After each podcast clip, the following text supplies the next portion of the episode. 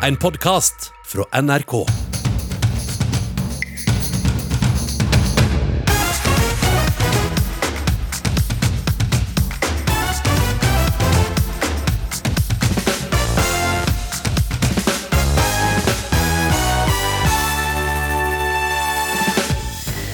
Sterke reaksjoner på Brennpunkt-dokumentaren, hvor Ida ble ekskludert fra Jehovas vitner, og dermed også fra familien sin.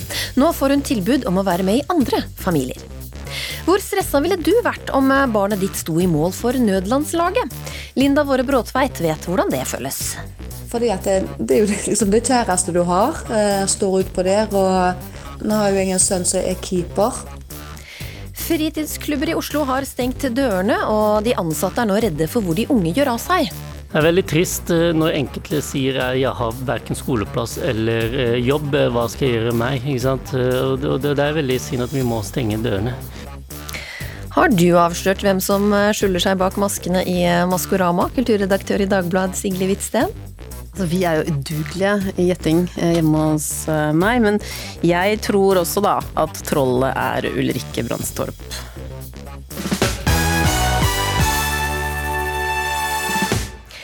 Velkommen til eh, ukeslutt, hvor vi også tenner adventslysene litt i tidligste laget. Jeg heter Linn Beate Gabrielsen.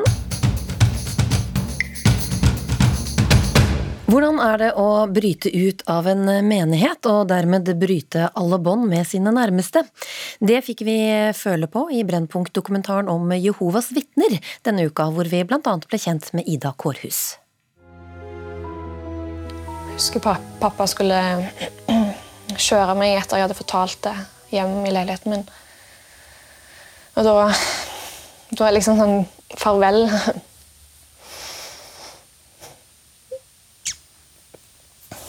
Da Da har liksom helten din der som sitter i, i bilen og griner.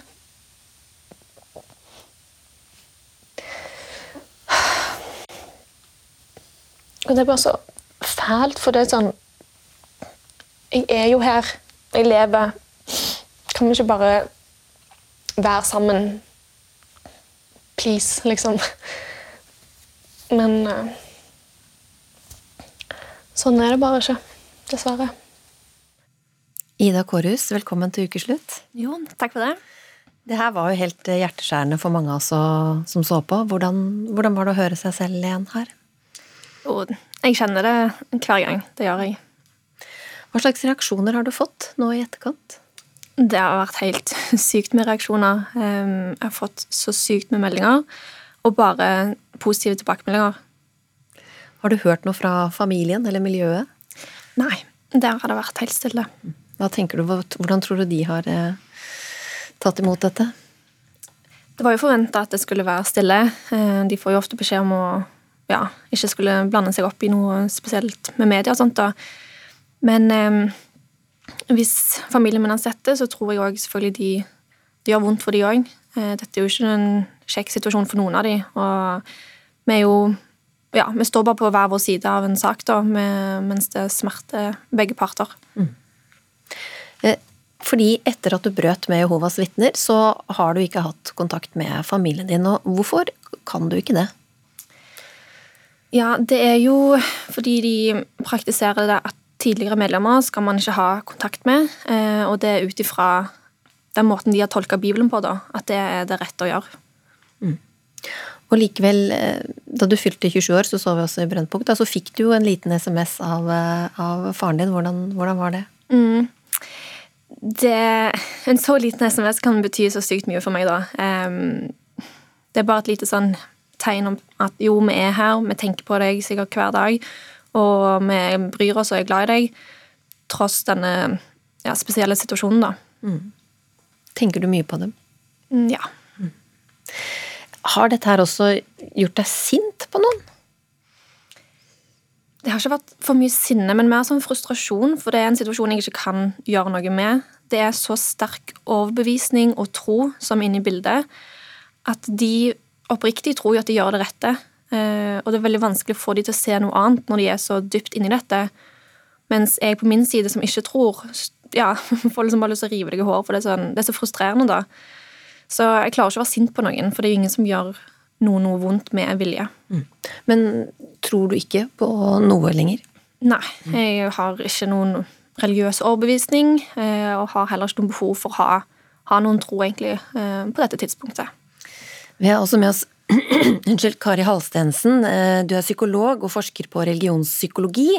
Og kanskje vi kan, du kan hjelpe oss med å prøve å forstå dette her litt mer. Hva er det vi utenforstående ikke forstår med dette, når foreldre avskriver all kontakt med barnet sitt fordi barnet som Ida her bryter med menigheten?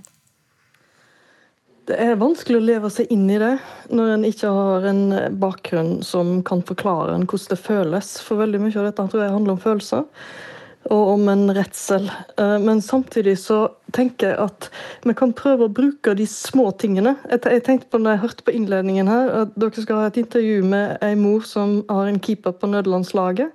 Og så et innslag om uro for hva barn gjør når ungdomsklubben blir stengt. Dette er sånn vanlig hverdagslig foreldreuro. Og det er jo veldig langt fra, fra det og til det å være redd for at barnet ditt skal dø i Hamageddon, men det er likevel noen av de samme følelsene. Så hvis vi kunne trekke litt på det, og på en måte se det liksom menneskelige på alle sider her Og det syns jeg jo er det du Ida gjør nå, når du åpner det menneskelige rommet og viser følelsene rundt dette, så tror jeg du på en helt eh, banebrytende måte er med på å åpne opp det menneskelige, sånn at vi på en annen måte kan snakke om det som skjer inni de trossamfunnene som jo til vanlig er lukka for oss. Hva tenker du om det?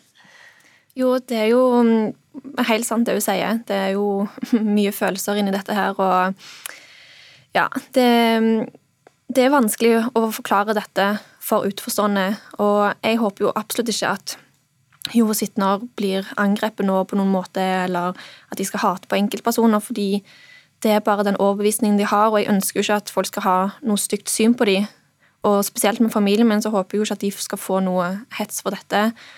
Så jeg tenker veldig at eh, folk der ute ser på det litt sånn at mine foreldre tror at de kan redde meg hvis de følger disse reglene. De tror at kanskje det er et håp om at jeg kan komme tilbake til Jehova, og da overleve Hamageddon og leve evig liv med de. Selv om det høres kanskje ganske sprøtt for mange, så er dette det de tror og tenker. Og hvis det er det som kan gjøre at de kan redde meg, så vil de jo absolutt gjøre det. Ja, Halsensen, hvordan, hvordan er det da å være foreldre og måtte velge på en måte mellom Gud og sine barn? Det er ikke så lett for meg å svare på det spørsmålet, fordi jeg har aldri prøvd det sjøl. Men det går an å leve seg inn i det gjennom å eh, prøve å tenke på det, de helt grunnleggende menneskelige relasjonene som jo er felles for oss som mennesker. Og når Ida nå åpner opp og forteller om hvordan dette faktisk er, så kan vi få en helt annen type diskusjon om det, og kanskje òg utfordre Jehovas vitner til å forklare mer av hvordan de tenker. Og det er jo historisk sett de eh, prosessene som har ledet til at eh, trossamfunn etter hvert har endra oppfatning. Men finnes det måter å ha kontakt på? Sånn som jeg forstår det Jehovas vitner eh, lærer om, eh, om, forholdet mellom foreldre og, eller mellom eh, nærstående og utbrytere, eller mellom utbrytere i det hele tatt, så skjer det jo av den kontakten. Men jeg tenker at vi som samfunn kan engasjere oss i dette. Vi kan spørre praktiserende Jehovas vitner hvordan dette fungerer. Vi kan forstå det, vi kan prøve å forstå det, vi kan kritisere det, og vi kan engasjere oss i det. Fordi Ofte så føler jeg at disse diskusjonene om dette blir liksom polariserte, og mangler nettopp denne menneskelige innlevelsen som eh, gjør at det kan oppstå en kontakt som har et element av påvirkningsmuligheter i seg, og ikke bare dette polariserende. Ida Kårhus, du har to brødre som også er i Jehovas eh, vitner. Hva slags kontakt har du med dem? Ja, begge de har jo um, unger, så jeg er jo tante til tre smågutter. Um, når man er Før man har døpt seg, så er man jo på en måte Man har ikke tatt stilling til noe, så disse barna er jo for så vidt uskyldige oppi alt dette her, og brødrene mine har jo gitt tegn til at du kan komme og besøke. Uh, så jeg fikk jo i sommer et nytt, um, en ny nevø, så han har jeg jo fått hilse på. Men da blir det jo typ med mammaen og broren eh, min og dette barnet. Eh, så det blir liksom ikke hele familien at jeg samles der og sånn. Men jeg har fått lov til å møte barna. Hva er håpet ditt eh, framover? Eh, jeg har ikke så mye håp men når det kommer til selve religionen, eller at eh, familien min skal bryte ut. Eh, jeg håper med at jeg har stått fram, at de som ønsker å komme seg ut, som gjerne har kjent på mye frykt nå, om at jeg tør ikke gå ut for jeg mister så mye, at de kanskje har et lite håp om at ok, jeg kan faktisk få et fint liv ut forbi òg. For jeg ønsker at de som ønsker å være jordsittende, skal få lov til å være det. Eh, og de som ikke ønsker det, skal få lov til å trekke seg ut. Men helst med minst mulig konsekvenser, da. For heldigvis, det så vi også. Du har et uh, fint liv med annet uh, gode, gode, venner. Takk for at dere ble med i uh, Ukeslutt. Tidligere medlem i Jehovas vitne Ida Kårhus og psykolog og forsker på religionspsykologi Kari Halstensen. Og så er det verdt å nevne at vi har spurt Jehovas vitner om de ønsket å stille her i dag, men de henviste til hjemmesiden sin. Der skriver de at eh, hvis et døpt Jehovas vitne gjør det til en vane å bryte Bibelens moralnormer og ikke angrer, blir han eller hun ekskludert. Og da holder vi oss borte fra vedkommende. Faren til Ida Gårhus hadde heller ingen kommentar. Vet du hvem som er elgen, enhjørningen, trollet eller den rosa puddelen? Nei, jeg snakker ikke om eh, barn-TV, men eh, den nye lørdagsunderholdningen i beste sendetid på NRK1, nemlig Maskorama. Syngende figurer som skjuler sin identitet, har gjort eh, stor suksess med elleville seertall, og har blitt litt av en snakkis. For hvem er det egentlig som skjuler seg bak maska? I walk in like a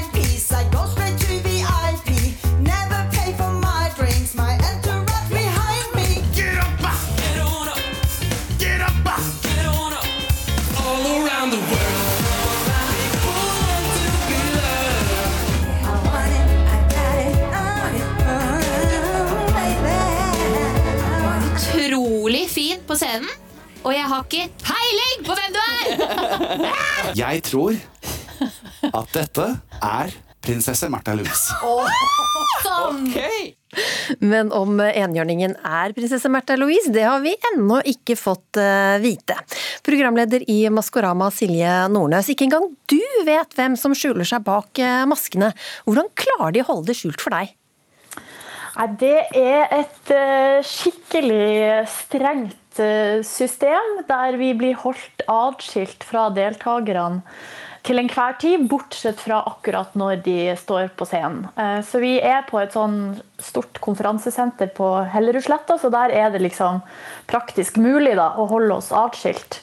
Og deltakerne eh, de beveger seg rundt med, med kappe og maske og sånn når de ikke er på, på scenen eller inne i kostymet sitt. Og vi andre, vi må f.eks. bli fulgt på do. Sånn at eh, vi ikke skal liksom plutselig gå på noen som vi ikke skal se. Da. Vi skal ikke bli eksponert for dem mer enn absolutt nødvendig. Foreløpig er det jo bare to deltakere som har måttet la maska falle, og en av dem det var deg, Gaupa, eller håndballegende Susann Goksur-Bjerkerheim. Var det mange rundt deg som ble overraska? Ja, det var det. Og mine to sønner de ble jo eh, gjort oppmerksom på at mora var på TV av noen venner. Oi. Så de visste ikke om det, de heller. Det var ingen som kjente igjen sangstemmen din fra privaten, liksom? Ja, det var nok noen som hadde tippa det òg. Det var det. Men ja, det at jeg ble tatt for å være Marianne Antonsen, og det var en som trodde, trodde at jeg var Mira Craig, og da tenker jeg at ja, men da, da kan jeg ikke klage. Da kan du klappe dem på skuldra. Men du sto altså på scenen og sang en låt av Spice Girls, 'Spice Up eh, Your Life', i gaupedrakt. La oss høre litt.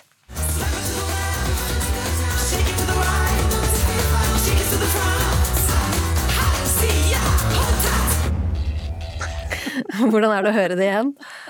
Nei, jeg blir jo varm eh, nå, jeg må si det. Hvor godt var det å få av seg maska da, når du endelig kunne det? Den, de, for, de, gangene jeg hadde den på, så var det veldig godt å få den av uansett. Eh, og det var jo eh, litt kjedelig selvfølgelig å gå ut i første program, men eh, det var eh, såpass langt ute av komfortsonen at det var liksom litt god trøst å ikke skulle stå der mange lørdager på rad. Sigrid Hvitsten, kulturredaktør i eh, Dagbladet. Programmet er jo inspirert av et konsept som også har eh, slått an i USA, The Masked Singer. Og du savna sangere her. Hvorfor? Um, før Maskorama hadde premiere forrige lørdag, så sjekket jeg ut uh, The Mask Singer på YouTube, og ble egentlig slått i bakken, for det var jo helt fantastisk. Altså, ikke bare var det strålende kostymer, men det var også formidable sangprestasjoner. Det var noen av de folk altså, som viste seg å være noen av de største sangstjernene i USA. Så da Maskorama eh, skulle begynne her i Norge, så liksom bunket jeg opp med popkorn og fikk en sønn i armkroken og gledet meg veldig. Eh, og jeg må innrømme at jeg ble fryktelig skuffa, eh, fordi det ble fort åpenbart at brorparten av sangerne, da, eller de som var inni maskene, var alt annet enn profesjonelle sangere. Og det syns jeg er litt dumt, fordi da går man glipp eh, av så mye, ikke sant. Eh, det er en tapt mulighet til å lage strålende enda bedre TV enn det er. Altså, vi synges jo her i 20 minutter, i hvert fall i løpet av programmet. Hvorfor ikke feire eh, det med ordentlig bra musikk, ikke sant. Og det ville gjort egentlig, tenker jeg, liksom, hele programdynamikken mye bedre. Altså paneldeltakerne kunne faktisk kommentert sangerne, og ikke bare prøve å gjette hvem det er som er bak masken. Susann, du ser også at det er noen fordeler med det at det ikke bare er sangere med? Nei, altså eh, når jeg ble lansert for å delta på dette her, så var jo det min store bekymring, selvfølgelig. At jeg kan ikke synge, og jeg skal synge på TV. Eh, det er vel derfor jeg eh, både hadde hjertebank og skjelvende knær og, og, svetta som en gris. Men, men så det, sånn som dette var lagt opp, så var det jo nettopp det som var litt av poenget, at det skulle være litt blanda. Og så forstår jeg veldig godt at hvis folk har sittet og trodd at det skulle komme vakker sang ut fra de maskene, at de ble dritskuffa. Det er full, forståelse for. Eh, og det var vel min bekymring. Jeg prøvde vel på, på, to tidspunkter å trekke meg, fordi jeg var redd for at det ikke skulle bli eh, innafor. At det skulle bli så krise at eh, det liksom ble helt, helt forferdelig. Men, eh, men, så tenker jeg jo at det er jo eh, ja, det, var, det, var, sånn konseptet var lagt opp. Og jeg tror jo produksjonen også har, har eh, på en måte hatt en har vært veldig fokusert på å prøve å vri liksom, eh, forventningene til seerne rundt. Da, på å si at de er ikke en sangkonkurranse, det det er noe helt annet. Det er en gjettekonkurranse. Ja, Hva sier du til det, Sigrid? Nei, altså jeg legger meg også merke til det at eh, vi gikk fra å være Norges sprøeste sangkonkurranse, som var taglinen i Det var kanskje noe det andre, tredje setningen som Silje sa i første program, til å nå være den villeste gjettekonkurransen, eller noe sånt. Og det, det, er jo helt åpenbart en liten vridning som har skjedd der. Jeg syns fortsatt at det hadde vært enda bedre da, med ordentlige sangere. Det er jo selvfølgelig noen ordentlige sangere her, det er det jo. Mm, mm. Og i snitt så har da 940 000 sett uh, hver episode, så det engasjerer jo i hvert fall, også uten profesjonelle sangere. Men hva tenker du, Witzen, om hvorfor programmet slår så godt an? Jeg tenker egentlig at det er det, altså, i utgangspunktet det perfekte pandemiprogrammet. Eh, vi trenger noe som er eh, tull og tøys, og deilig, en deilig avveksling fra den litt harde hverdagen vi har nå. Eh, og jeg tenker at det er også en del av liksom, NRKs rolle akkurat nå, å skape den derre fellesfølelsen og fellessnakkisen når vi nå sitter på hver vår tue, eller inni hvert vårt hus og er litt ensomme, så er det veldig fint å ha noe som alle snakker om. Eh, veldig lavterskel. Alle finner noen eh, Alle kan jo diskutere hvem som er pudderen eh, og ravnen. Det er ikke noe vanskelig, og det, kanskje det er det vi trenger akkurat nå. Så kanskje jeg må bare legge meg ned og si at greit, det er greit at mange av de ikke kan synge. vi trenger litt fellesskap. Silje Nordnes, hvordan merker du at dette engasjerer folk? Eh, jeg var faktisk akkurat på eh, min lokale Jernia, og der eh, ble jeg da gjenkjent i, mitt, i, min maske, altså munnbind, og lue hadde jeg også på meg, men av to av de som jobba der. Og, de, og, det var veldig artig og veldig illustrerende, da, fordi det var en liksom, voksen dame, og så var det ei yngre da, som kanskje i midten av 20-årene. Og Begge de to var veldig engasjert. og og hun ene sa sånn at, at, det var bare så deilig med noe nytt det var det hun var mest opptatt av. At det var eh, noe helt nytt. Og, eh, og selvfølgelig, altså, Hun hadde også da klart å eh, ta eh, Susann på stemmen, og var ekstremt fornøyd med det. Ja, det er klart. Så jeg har hørt at moren din også ringer deg mye om dette? Ja, hun ringer og har lyst til å diskutere, da. eh, Og på en måte legge flere navn i hatten. Eh, Og hun er også veldig fornøyd med at hun klarte å ta Trygve Slagsvold Vedum, og mener at hun var på en måte en av de første som sa det. Men jeg vet ikke om det stemmer. I kveld klokka 19.50 får vi flere hint. Takk skal dere ha, Sigrid Hvitsten, Silje Nordnes og Susann Goksør Bjerkreim. Vi er godt i gang med ukeslutt her i NRK P1 og P2. Videre får du mer om disse sakene. Nødlandslaget vant ikke kampen, men kanskje alles hjerter? Det er rart hvordan det, endrer seg fra bare å ville ha en god innsats og en, eh, en bra opplevelse, til at du sitter der og blir grådig og tenker at nå skal vi ha alt. Og frykten for å bli borte fra rampelyset er det som får Donald Trump til å kjempe mot valgnederlaget, tror Bård Hoksrud. Han kjente selv på den følelsen da han gikk av som statsråd. Hva skal de unge finne på når ungdomsklubbene stenger og fritidsaktiviteter er forbudt? Det bekymrer ansatte på en fritidsklubb i Oslo, som vet at for noen er da veien kort til å henge på gata og deale. Vi innfører et forbud mot all innendørs fritidsaktivitet for unge fra 13 år. Det å stå ute og deale og selge, og det er en sosial møteplass det også. Lenge har Norge forsøkt å skåne de unge for strenge smitteverntiltak. Likevel så Oslo kommune seg nødt til å stenge flere fritidstilbud denne uken. En av de som måtte finne frem smekkelåsen, ja det var fritidsklubbansatt Mohammed Faris. Ja, det er flere som eh, har faktisk spurt om å komme inn, så har vi måttet avvise flere. Og det er liksom det er veldig trist eh, når enkelte sier jeg har verken skoleplass eller eh, jobb, hva skal jeg gjøre meg? Ikke sant? Og det er veldig synd at vi må stenge dørene. Faris jobber på Riverside ungdomshus, som årlig har besøk av 2000 unge folk fra Oslos østkant. Men hvor er disse nå? Det vet ikke Faris, og det bekymrer ham. Så det er litt vanskelig å si hvor de er akkurat, men de er, en ting kan si, de er ikke her. En av de som har møtt opp i dag, er Noel Di Meidi. Ja, i koronatiden er jeg veldig bekymret angående for ungdommen. Fordi alt er stengt. Meidi studerer nå medisin, men før vanket han mye her på Riverside. Klubben ligger i et område i Oslo hvor lediggang er roten til mange avisoverskrifter. Så når det stedet som er bra her blir stengt, du kan gå bare noen meter for å finne det som er dårlig. Årets Oslo-borger 2018, Mohammed Faris, er ikke i tvil om at smitteverntiltakene står i stor kontrast til hvordan ungdommen ellers beter seg. Du snakket til dem der og der om smittevern. Man stolte meg, det tar et minutt etterpå, så har de glemt det. For, ikke sant? Så det var en ungdom som sa til meg jeg har allerede 100 problemer, jeg trenger ikke tenke på 102 og 103 problemer. sa han. Ikke sant? Så jeg vil bare glemme det. Det er derfor jeg er sånn som jeg er, hyper og, og hopper tilbake. La meg være ung. Lite visste vel Wenche Myhre i 1964 at kidsa nå til dags er ensomme og usosiale, de har flere symptomer som tilsier angst og depresjon, og du behøver ikke å være smittet for å kjenne koronaen på kroppen. De har gått inn i en sånn zombietilstand. Det er lite engasjement. Eh, De vet ikke hvor de skal gjøre av seg. Eh, Alt er tungt og vanskelig for veldig, veldig mange. Det sier Kristin Audmeier fra Unicef Norge.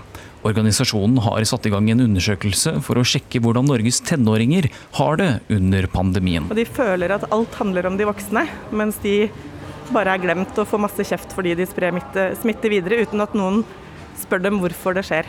Og så er de sinte for at eh, voksne blir prioritert. At det er så mye snakk om eh, å få mulighet til å gå og drikke på bar, mens ungdom har ikke et eneste sted å møtes lenger. Og det virker som om tenåringene verker etter å bli lyttet til. Det som bekymrer meg aller mest er egentlig langtidskonsekvensene av dette. Hva betyr dette for vennskap? Hva betyr dette for følelsen av tilhørighet? Og tillit til voksne, ikke minst. Unicef Norge har planer om å gi tenåringene en stemme, og leverer undersøkelsen til statsministeren i desember. Men selv om smitteverntiltakene føles strenge for de unge, så er det også med god grunn. Det forteller assisterende helsedirektør Espen Nakstad. Nei, For Norges del så, så, var det sånn tidligere i høst at det var de mellom 20 og 39, da, altså de yngre voksne, som, som i størst grad ble smittet. Og så ser vi nå at den raskeste stigningen de siste ukene har vært i aldersgruppen 13 til 19 år. Så kanskje er ikke ungdommen så udødelig som en skulle tro, for også de kan bli smittet. Når jeg sier at jeg er lagt på sykehuset, så blir folk eh, litt skremt at det er mulig for en eh, tenåring som meg. 19-åringen Theodor Olavesen fra Fredrikstad fikk i mars beskjed om at han var koronasmittet. Olavesen fikk feber og husets andre etasje helt for seg selv i nesten en måned. Jeg mottok min første negative koronatest eh, 23 dager etter den dagen jeg ble syk. Da lå jeg på sykehuset og hadde lagt der i to netter. Syv måneder er nå gått, men fortsatt kan tenåringen kjenne på senskadene. Så det var tett nese. At jeg får opp slim, det gjør jeg fortsatt i dag, og har gjort det nesten hver dag i syv måneder nå. I tillegg så, så hender det at jeg må ta en pause fra treningsøkter eh, for å hoste opp eh, slim. Theodor Olavesen er ikke den første friske tenåringen som føler på langtids-covid. Det forklarer assisterende helsedirektør Espen Nakstad. Ja, altså Det er kommet stadig nye studier om det eh, som er publisert. Senest i går kom det en ny studie som viste at, at en del eh, yngre mennesker også, som har ganske milde symptomer, ikke blir veldig syke. De plages av noen ettervirkninger. Eh, man kaller det long covid, eller eh, langtidscovid på norsk. Når selv ungdommer må ta seg en pust i bakken, så er det vel grunn til bekymring når det er de mellom 13 og 19 år som topper landets smittelister. Ja, ungdom har i hvert fall blitt veldig hardt rammet i denne pandemien. fordi når man er i ungdomsalder og også tidlig voksenalder, så er det å ha kontakt med andre veldig viktig. Men Kristin Aud Meyer fra Unicef Norge ser ikke bare mørkt på situasjonen. Jeg håper og tror at eh, dette fører til et sterkere engasjement hos unge, og at de bruker sin stemme. Tilbake på Grønland i Oslo har mørket senket seg. Mohammed Faris fra fritidsklubben Riverside runder hjørnet på klubbbygningen for å vise ukeslutt hvor ungdommen henger nå. Ja, vi har noen regler på det. at Hvis vi ser, det her, ser dem, liksom, vi ser dem her, så har de ikke lov til å komme inn i løpet av dagen. Så de kan komme dagen etter. Men så lenge de henger her, bare henger, trenger ikke selge noe som helst, så får de ikke lov til å komme inn. Og det tar ikke lang tid før en kjenning hilser på. Her foregår det ofte kjøp og salg av ulovlige rusmidler. Nå håper han smitten snart går ned, slik at han kan åpne dørene igjen, og det på vidt gap. Nei, det er veldig synd. Det er jo de unge som trenger oss mest. De voksne klarer seg på en eller annen måte. Reporter var Philip Johannesborg. President Donald Trumps søksmål for å prøve å omgjøre valgresultatet fører i liten grad fram, og advokaten hans svettet så fælt på den siste pressekonferansen at mørk hårfarge rant nedover kinnet hans. Nå er eh, Trump selv i gang med å ringe rundt til de som lokalt har ansvaret for å godkjenne de ulike valgresultatene. Kari Henriksen, stortingsrepresentant for eh, Arbeiderpartiet. Hvis du skal beskrive situasjonen i USA nå med ett ord, hva sier du da? Jeg vil si det er litt surrealistisk. Du er jo også vis... er en ja, Du er visepresident i OSSE og var jo i USA under valget og ledet en gruppe på 50 parlamentarikere fra mange land som var valgobservatører i ulike delstater. Kunne du forestille deg på forhånd det, det vi ser nå? Nei, det var vel litt vanskelig å forestille seg hvordan det skulle bli. Men jeg må jo si at når jeg reiste til USA, så hadde jo allerede presidenten gitt uttrykk for at han ikke hadde tillit til valget, og spesielt til poststemmene. Så vi var jo ganske Og jeg var i hvert fall veldig usikker på hvordan eh, dette skulle eh, skje, og hva, hva, hva vil oppstå. Liksom. Det var nesten som å gå inn i sånn litt ukjent verden, rett og slett. Bård Hoksrud, stortingsrepresentant for Fremskrittspartiet. Du var valgobservatør i USA for fire år siden. Skulle du gjerne ha vært der i år også? Å, gjett om jeg skulle virkelig ha vært der. Det er, det er jo noe å være der, føle pulsen og kjenne på stemningen og hvordan det er der. så og med det vi visste før valget, så er det klart det å være der på valgdagen og få lov å gå rundt i valglokalene, se på folk, snakke med folk og høre hva, hva folk tenker, er jo utrolig morsomt. da. Så det jeg skulle veldig gjerne vært der. Hadde du håpet at Trump vant?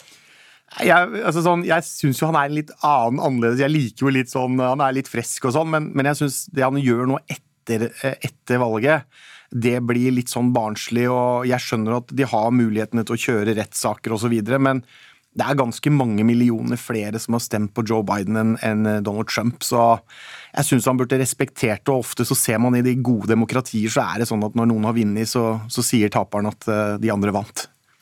Kari Henriksen, hvordan opplevde du valget da, når du først var der?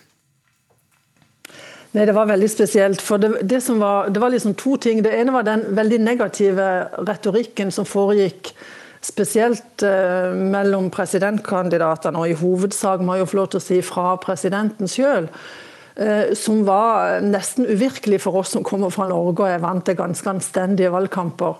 Så Det var liksom det ene. Og så var det det andre, når du kom ut i valglokalene og snakka med folk og velgere så var de så opptatt av å gjennomføre dette, denne demokratiske retten som det er å stemme på en så god måte.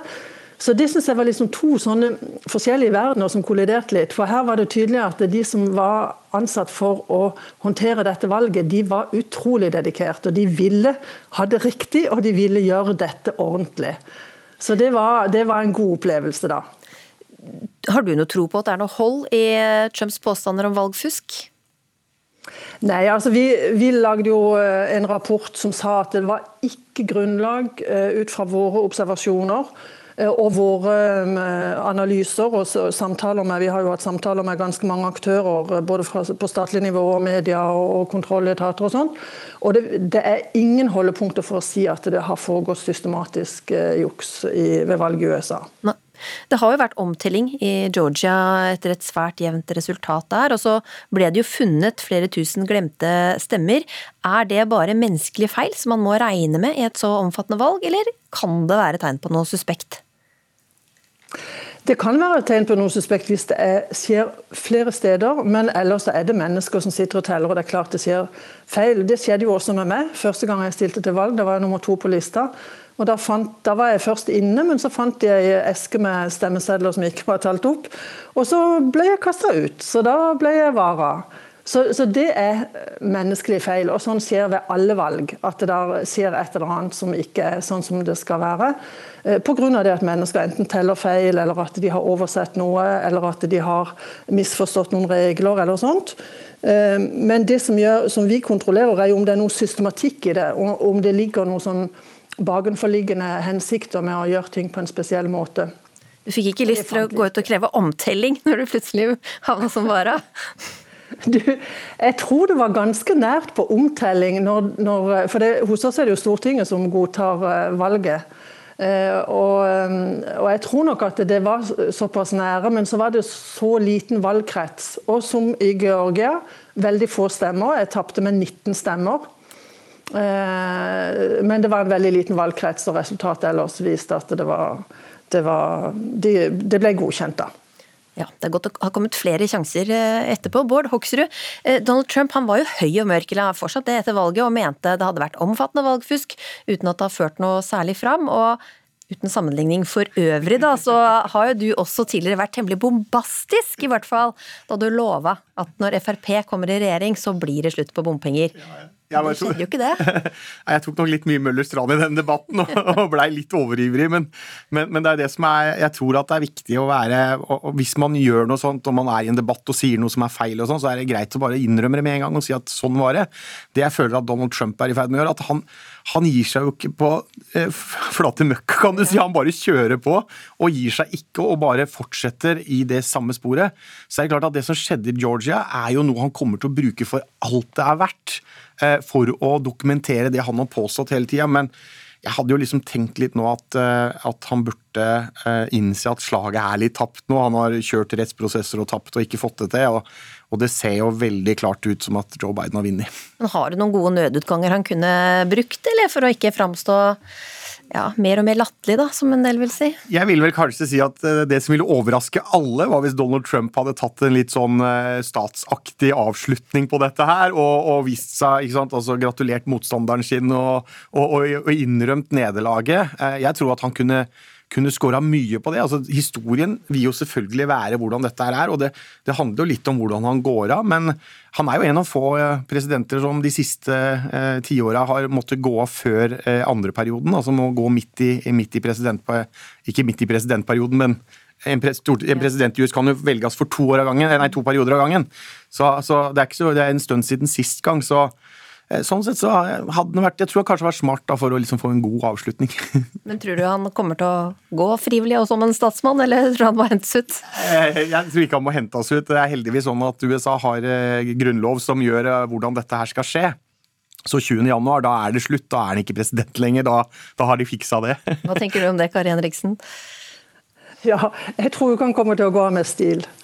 Tvert imot så tror jeg han kommer til å holde på sitt og, og gjenta disse anklagene hele tida. Jeg tror det sitter utrolig langt inne for han også å be noe om unnskyldning. Og så tror jeg faktisk han også har noe politisk strategi rundt det. for um, Det er jo et veldig splitta land. Det er kjempestore forskjeller mellom fattig og rik.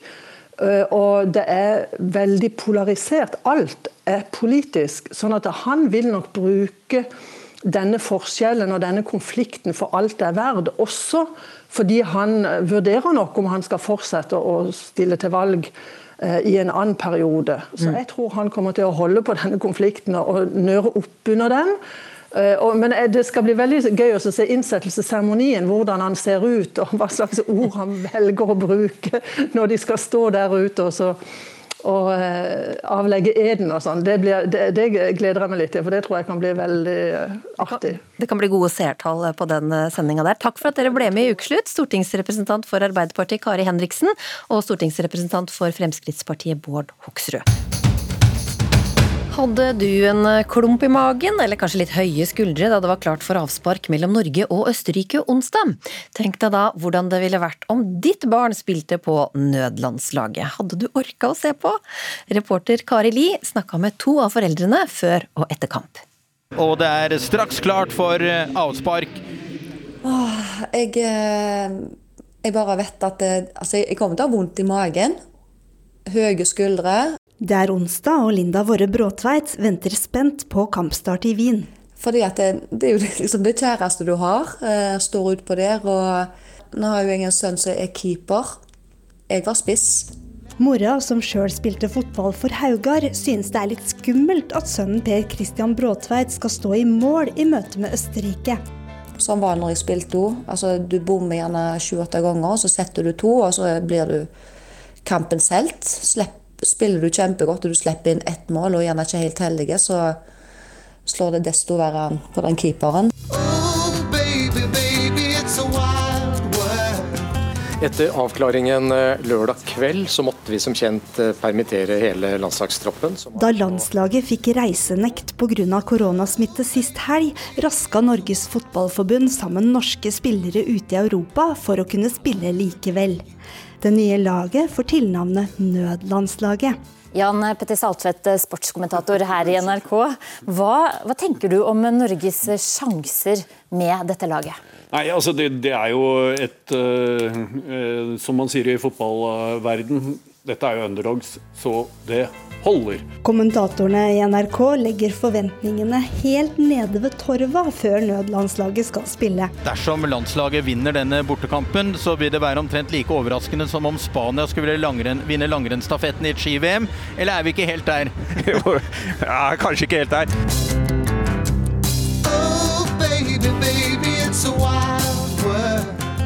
Jeg ble ganske sur. Jeg har svetta blod for hver eneste av mine 97 landskamper. Her kommer det en gjeng med freerider som surfer inn eh, og tar det som en selvfølge at de skal få lov til å spille med flagget på brystet. Tidligere keeper på landslaget Erik Torstvedt var alt annet enn raus da sønnen Christian ble bedt om å kjempe for Norges EM-billett. Nå som kampstart rykker nærmere, har faren begynt å engste seg. At noe skal gå alvorlig galt. Du skal bomme på en gigantisk sjanse. Du skal bli utvist på en eller annen tullete greie. Ja, det, det, du har denne lille frykten der som ligger der hele veien.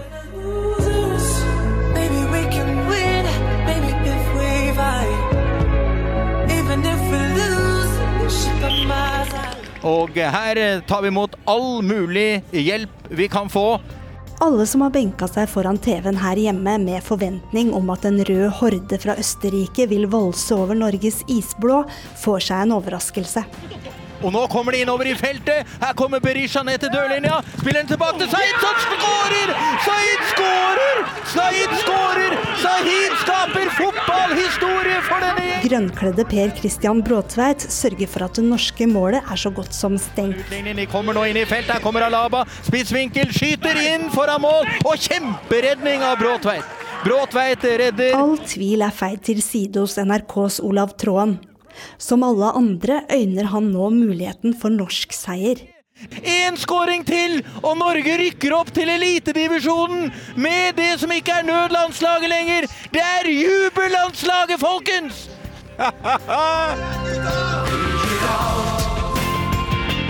Alt for Norge. Ofrer alt om vi må.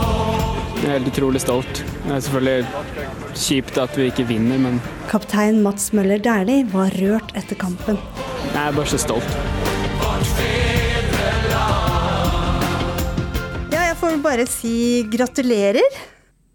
Tusen takk. Selv om østerrikerne fikk inn et mål på sønnen, er keepermamma Linda Våre Bråtveit letta. Jeg kjente jo på den nervøsiteten, men den roa seg ganske kjapt. For jeg tenkte at dette her kan søren meg gå. og Det var så god innsats, og nei, jeg eh, Åh, nei, jeg syns det var veldig, veldig bra. Det er rart hvordan det, det endrer seg fra bare å ville ha en god innsats og en, eh, en bra opplevelse, til at du sitter der og blir grådig og tenker at nå skal vi ha alt. Nå skal vi vinne pulja, og nå skal vi toppe hele greia. Erik Torstvedt innser at sønnen spilte en ekte og fortjent landskamp. Ja, jeg har fått kjeft av kona mi, sånn at uh, der gjelder det å komme på linje med resten av familien og si at det her er det tommel opp.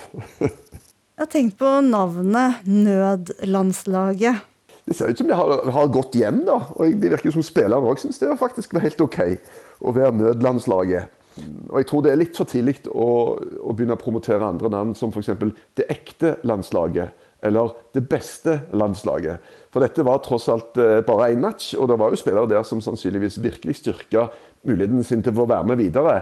Men det var én kamp, og eh, vi har eh, veldig mange gode spillere òg på det såkalte førstelaget. Finnes det en pris for årets verste, mest pinlige nyord? Jeg nominerer i så fall Nødlandslaget. Det skrev du, Sara Sørheim, nyhetsredaktør i NTB, på Twitter denne uka. Og Nødlandslaget det er jo navnet på fotballaget som på kort tid måtte raske sammen da landslagstroppen havnet i koronakarantene. Hvorfor ble dette pinlig for deg, Sørheim? Du, det var vel eh, ikke den mest alvorlige tweeten jeg har skrevet i hele mitt liv, kanskje. Men det kom likevel litt fra hjertet, fordi det, det, ble noe komisk, eh, syns jeg, over eh, liksom gravalvoret som denne saken ble på en måte litt omsluttet av. Da. Og i en situasjon hvor hele verden faktisk er i en helt reell krise eh, med, med denne pandemisituasjonen, så opplevde jeg kanskje at uh, nødlandslaget ble litt i overkant liksom dramatisk og alvorlig. for en situasjon som tross alt var en og dette sier jeg med all mulig kjærlighet til fotball, men det som tross alt var en helt ubetydelig fotballkamp, eh, en bitte liten bagatell i det store bildet, så tenkte jeg at nødlandslaget Det hørtes ut som noen som skulle rykke ut og redde noen, liksom. Så ja. Det var, det var, mest kontrasten til det ganske alvorlige bildet som tegner seg i resten av verden, som jeg fant litt komisk. Og du skapte med denne tweeten en eh, festlig tråd, for dette her eh, engasjerte. Noen skrev at de var uenige, og at nødlandslaget er årets kuleste ord, og en ville nominere nødlandslaget til årets beste nyord. Da må vi jo kalle inn deg, da, direktør i Språkrådet Åse Vetås. Dere går jo faktisk i disse dager i gang med forberedelsene til å kåre årets uh, nyår. Og er nødlandslaget en god kandidat, syns du?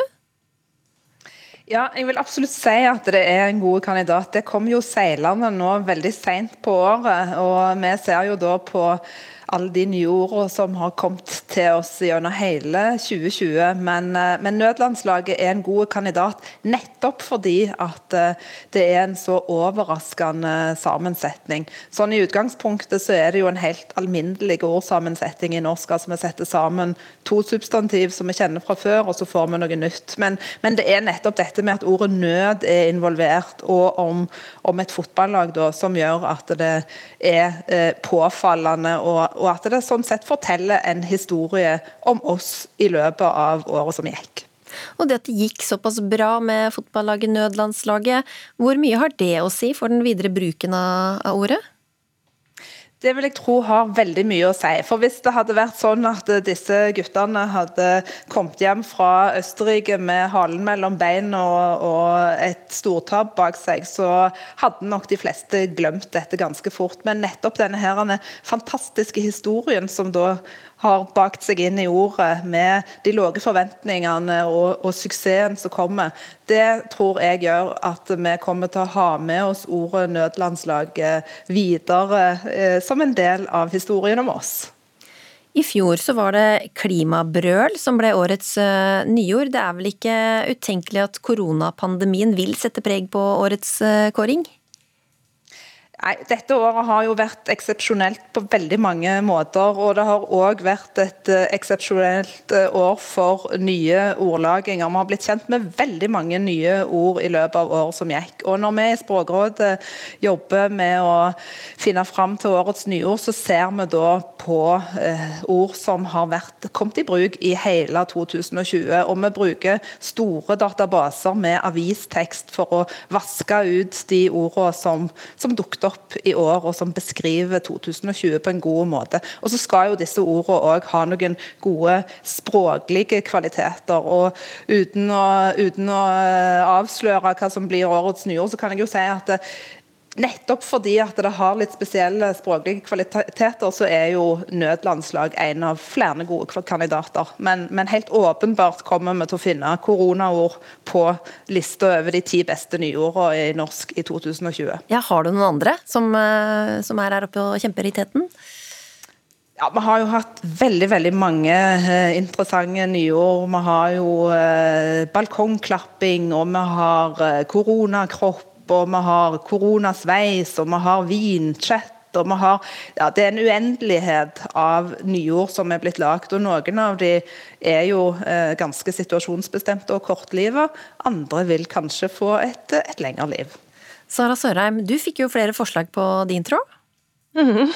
altså Det viste seg jo at det ble litt vanskeligere enn jeg hadde trodd da, å kåre det teiteste nye ordet. Og så er jo Språkrådet har den heldige jobben at uh, dere skal kåre liksom, det beste nye ordet.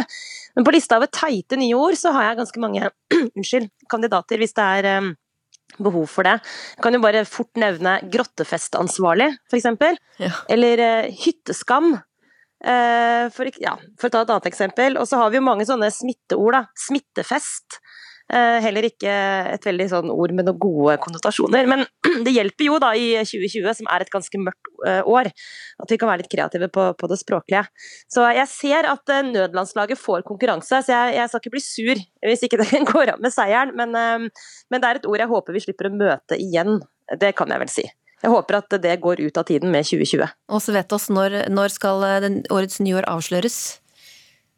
Det skal avsløres den 11. Eh, desember, og nå jobber vi med rålistene. Men, men et apropos til dette med, med nødlandslag, som jeg syns befester, eh, befester ordet sin status, det er jo at til og med de østerrikske avisene skrev om dette ordet i tyske oversettelse, altså som Notelf. Og da må vi jo si at et ord har hatt ganske godt gjennomslag når det er sånn at det òg begynner å komme i oversettelser, og det syns jeg jo er litt gøyalt. Takk skal dere ha. Sara Sørheim og Åse Vetås. Det høres ikke ut som det blir helt umulig å velge årets nyord i år eh, heller. Da lykkeforsker oppfordret folk til å få opp julelysene allerede nå, var det mange som bokstavelig talt tente på alle plugger. Og kunsttyvene, som var spesielt små og stakk av med diamantbelagte kunstskatter i en limousin, ble pågrepet denne uka. Men hvilken nytte har egentlig kriminelle av spektakulær kunst? Dette skal vi finne ut av denne siste halvtimen av Ukeslutt. For ett år siden skjedde det som betegnes som det største kunstranet siden krigen. Verdier for ti milliarder kroner ble stjålet fra det som kalles Det grønne hvelvet i Dresdens kongelige palass, inkludert en rekke kunstgjenstander dekket i diamanter, perler og edelstener. Det er jo et veldig spektakulært ran, dette her. Alarmen på museet gikk klokka fem i dag tidlig, og fem minutter senere så var politiet på staden, men da var altså tyvene vekk.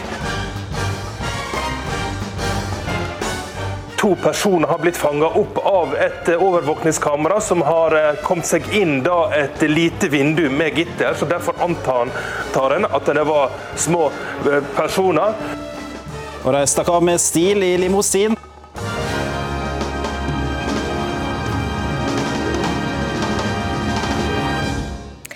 Denne uka pågrep tysk politi tre personer i forbindelse med dette ranet.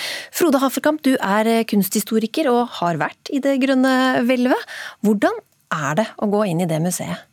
Imponerende på alle måter. Men når man kommer inn, så er det ikke dimensjonene som imponerer en mest, men det er eh, montrene som gjenstandene er utstilt i. De er eh, belagt med ornamenter og gull, og det er forskjellige værelser. Så man går fra elfenbensværelse over til eh, noe med forgylt sølv bare, og noe jeg er veldig begeistret for, nemlig bronsene, som er både kopier av antikke bronser og 1500-talls, altså renessansebronser. Og så er det da dette skattkammeret hvor tyvene var. Og Hva slags gjenstander er det som er her? Ja, altså I skattkammeret er f.eks. Um, en del av regaliene til kurfyrsten av Saksen, altså August den sterke, som fikk åpnet dette i 1723. Og det er et sverd på 96 cm, som har altså en mengde 800 diamanter. Oi og med slire osv. Og, så videre, og det er, en, det er en um, ordensstjerne fra Den hvite ørns orden med en diamant på 20 karat i midten. Og et maltesisk kors, altså det har jo like lange armer, ikke sant? Maltesisk kors, og det er i røde rubiner. Altså, Jeg har stått og sett og beundret dette, og det er virkelig sånn at man mister pusten. Altså, og når man beveger seg foran disse eh, diamantene, så gnistrer de hele tiden. ikke sant? Man må ikke stå stille og se på det, man må bevege seg litt. Og så ser man da at de funkler, og det er jo veldig fascinerende. Politibetjent Kenneth Didriksen i Økokrim, som, som vi hørte her i innledningen, det var et spektakulært eh, ran, nesten litt sånn B-gjengen-aktig, med påfallende små personer som stakk av i en limousin. Hvordan, hvordan fikk du høre om dette tyveriet? Eh, vi ble jo først oppmerksom på dette gjennom presseoppslag, selvfølgelig. Men eh, vi fikk jo også melding via eh, Interpol-systemet. De har et varslingssystem eh, til alle landene som er medlem av Interpol, og da får du jo melding om at dette har skjedd. Ikke det vanligste dere får inn, vil jeg tro. Men det er jo spesielle gjenstander. Hvilken nytte kan tyvene ha av dem? Ja, dette er såpass kjent. kjente museumsgjenstander. og stor oppmerksomhet i pressen. Så det blir jo vanskelig å få omsatt på et vanlig marked. Eh, det er relativt umulig å få solgt det på vanlig måte. Eh, det som skjer med kunst når det blir stjålet, det som er av liten verdi og lite oppmerksomhet, det blir jo relativt fort omsatt kanskje på eh, små brukthandlere og den type ting. Mer verdifull kunst det blir kanskje gjemt bort en stund. Gjemt bort for å, at folk skal glemme oppmerksomheten som blir rundt de tinga. Det er ingen som husker hva som ble stjålet for 10-15-20 år siden. Eh, og da kan det bli omsatt eh, i annet, en eller annen form eh, på enten et galleri eller auksjonsforretning eller den type ting. Hafferkamp, er det, hva tenker du, er det mulig å få solgt noen så spesielle ting som det her? Nei, det tror jeg ikke. Men det som er faren, er jo at disse veldig verdifulle diamantene blir demontert fra sin sammenheng og solgt enkeltvis. Men det var visst noe som var kommet opp for salg i Israel for et år eh, eller et halvår siden. Stemmer det bl.a. en hvite diamant? NRK har en eh, serie nå om eh, kunstsamlerne, som nå vises, viser fram kunstsamlingene deres. Er det, er det litt sånn risky å vise fram hva man, hva man har av kunst? Egentlig så tror jeg ikke det. For når tingene er publisert, enten det da er i et fjernsynsprogram eller i en bok som eh, presenterer kunst som eies av en privatperson eller en eh, organisasjon eller en, et arbeidssted, så er det kjent for allmennheten, og det er mer en sperre for å omsette dette videre enn en fare. Så du har jo selv jobbet på Nasjonalmuseet, også de har opplevd eh, tyverier opp igjennom. Ja, dessverre. Har du noen eh, eksempler? Ja, i, i 82 så var det et eh, tyveri som fikk med seg viktige deler av den franske samlingen. De greide altså å, å omgå alarmen ved å gjemme seg i bygget til alle hadde gått. Og da var det gjort. Eh, Didriksen, eh, mindre kjent kunst eh, blir jo også stjålet og, og solgt videre. Hva bør menigmann være obs på for ikke få stjålen kunst i hendene uten å vite det? Ja, jeg må jo se sammenhengen det blir solgt i. Altså, Den dyreste kunsten skal ikke selges på de minste og kanskje litt lugubre uh, brukthandlerne. Så du må ha en, en viss form for, uh, for, sammenheng mellom pris og tilbud her. Um, og så gjør det litt uh, undersøkelser på hva du egentlig kjøper. Um, og som jeg har sagt i andre sammenhenger tidligere, at hvis det er for godt til å være sant, så er det som regel det. Du skal ikke kjøpe veldig kjent kunst til en brøkdel av prisen. Da gjør du ikke en god handel. Da gjør du et tyveri, kjøp av et tyveri. Tusen hjertelig takk, Frode Haffelkamp og Kenneth Didriksen. Og Jeg har også sett at mange har begynt å pynte med julelys litt tidligere dette året her. Og jeg syns det er ekstra fint med litt lys i mørket i år. Tenn lys, et lys skal brenne. Henge opp en stjerne eller et hjerte i vinduet. Gjør noe som hjelper deg sjøl og andre gjennom en mørk måned. Den blanke himmelstjerne, der vi og alle bor. Vi trenger kanskje litt ekstra lys og god stemning, selv om det fortsatt bare er november. Og ikke bare helseminister Bent Høie anbefaler dette.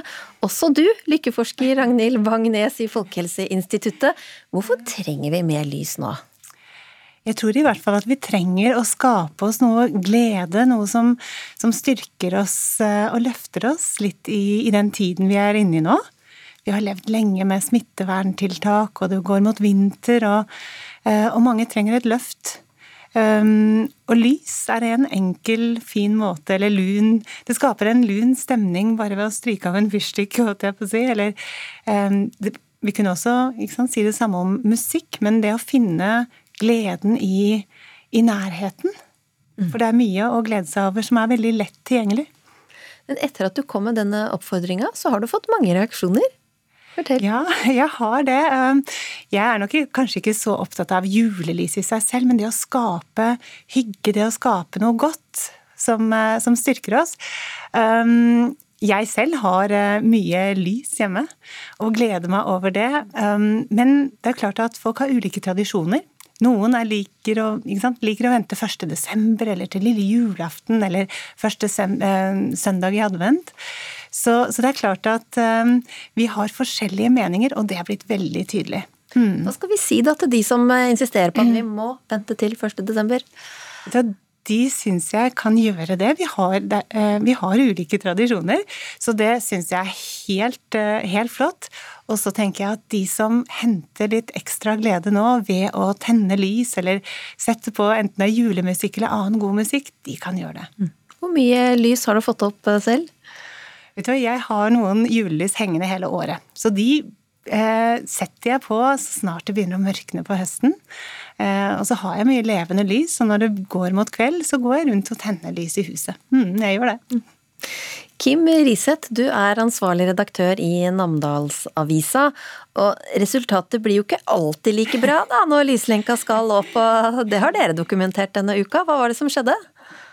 Ja, nei, det var jo sånn at Også her ville jo handelsstanden og næringsforeninger i byen uh, henge opp lys og pynte opp litt tidligere enn vanlig. Uh, så det som skjedde var jo at det ble hengt opp uh, en 450 meter lang lyslenke i noen trær eh, i sentrum. Eh, problemet var jo bare at eh, det var jo et frivillig lag som tok på seg den jobben, og, og de hadde nok ikke høy nok gardintrapp. Så lyslenka ble da hengende ja, sånn cirka midt på treet, og, og sånn ble jo også resultatet. Så det her har jo, skapt litt eh, både litt eh, harme og glede, kan vi vel si, og litt eh, lattermilde reaksjoner.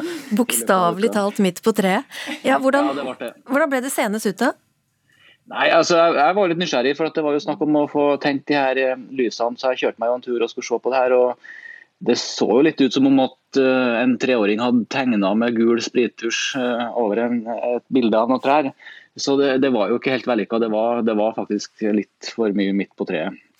Og folk har selvfølgelig reagert på det her. Hvordan har de reagert?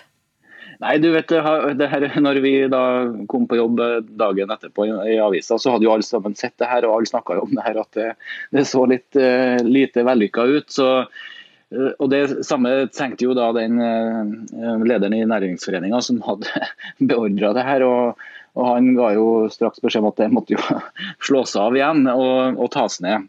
Så, eh, men det, det er jo klart, det her er jo ikke den mest alvorlige hendelsen som har skjedd her. Men det var jo, eh, det var jo noen som fikk seg en datter, Og, og det her ble jo diskutert ganske vidt og bredt før, før, før vi rakk å gjøre noe videre med det. Så det, Ja, Det ble litt gøyale ordspill i kommentarfeltet og overskriften hos dere, skjønte jeg? Ja, det ble jo det, da. vet du, klart eh, Midt på treet var den første som vi tok, men er klart, eh, vi har jo en, eh, et annet bysbarn her som, som, eh, som har noen sangtekster. så Mye lys og mye harme ble jo et, en, en, et spill her, da. Så det, det har vi har, har hatt ganske mye artig med det her, da, det må vi si.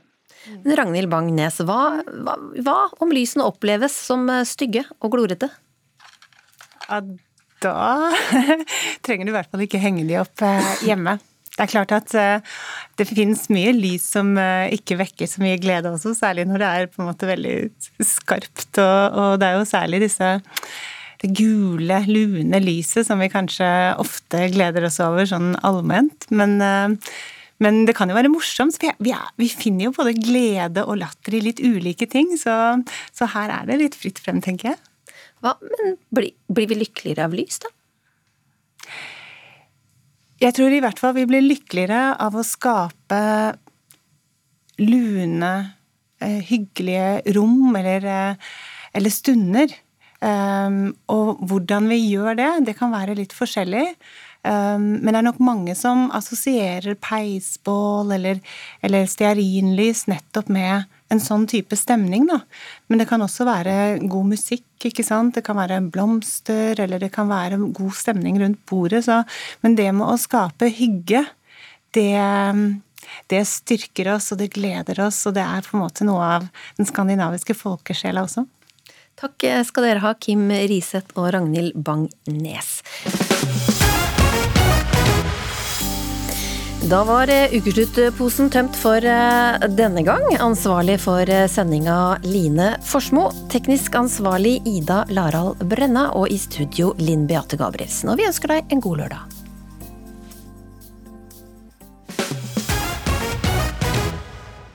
Du har hørt en podkast fra NRK. Hør flere podkaster og din favorittkanal i appen NRK Radio.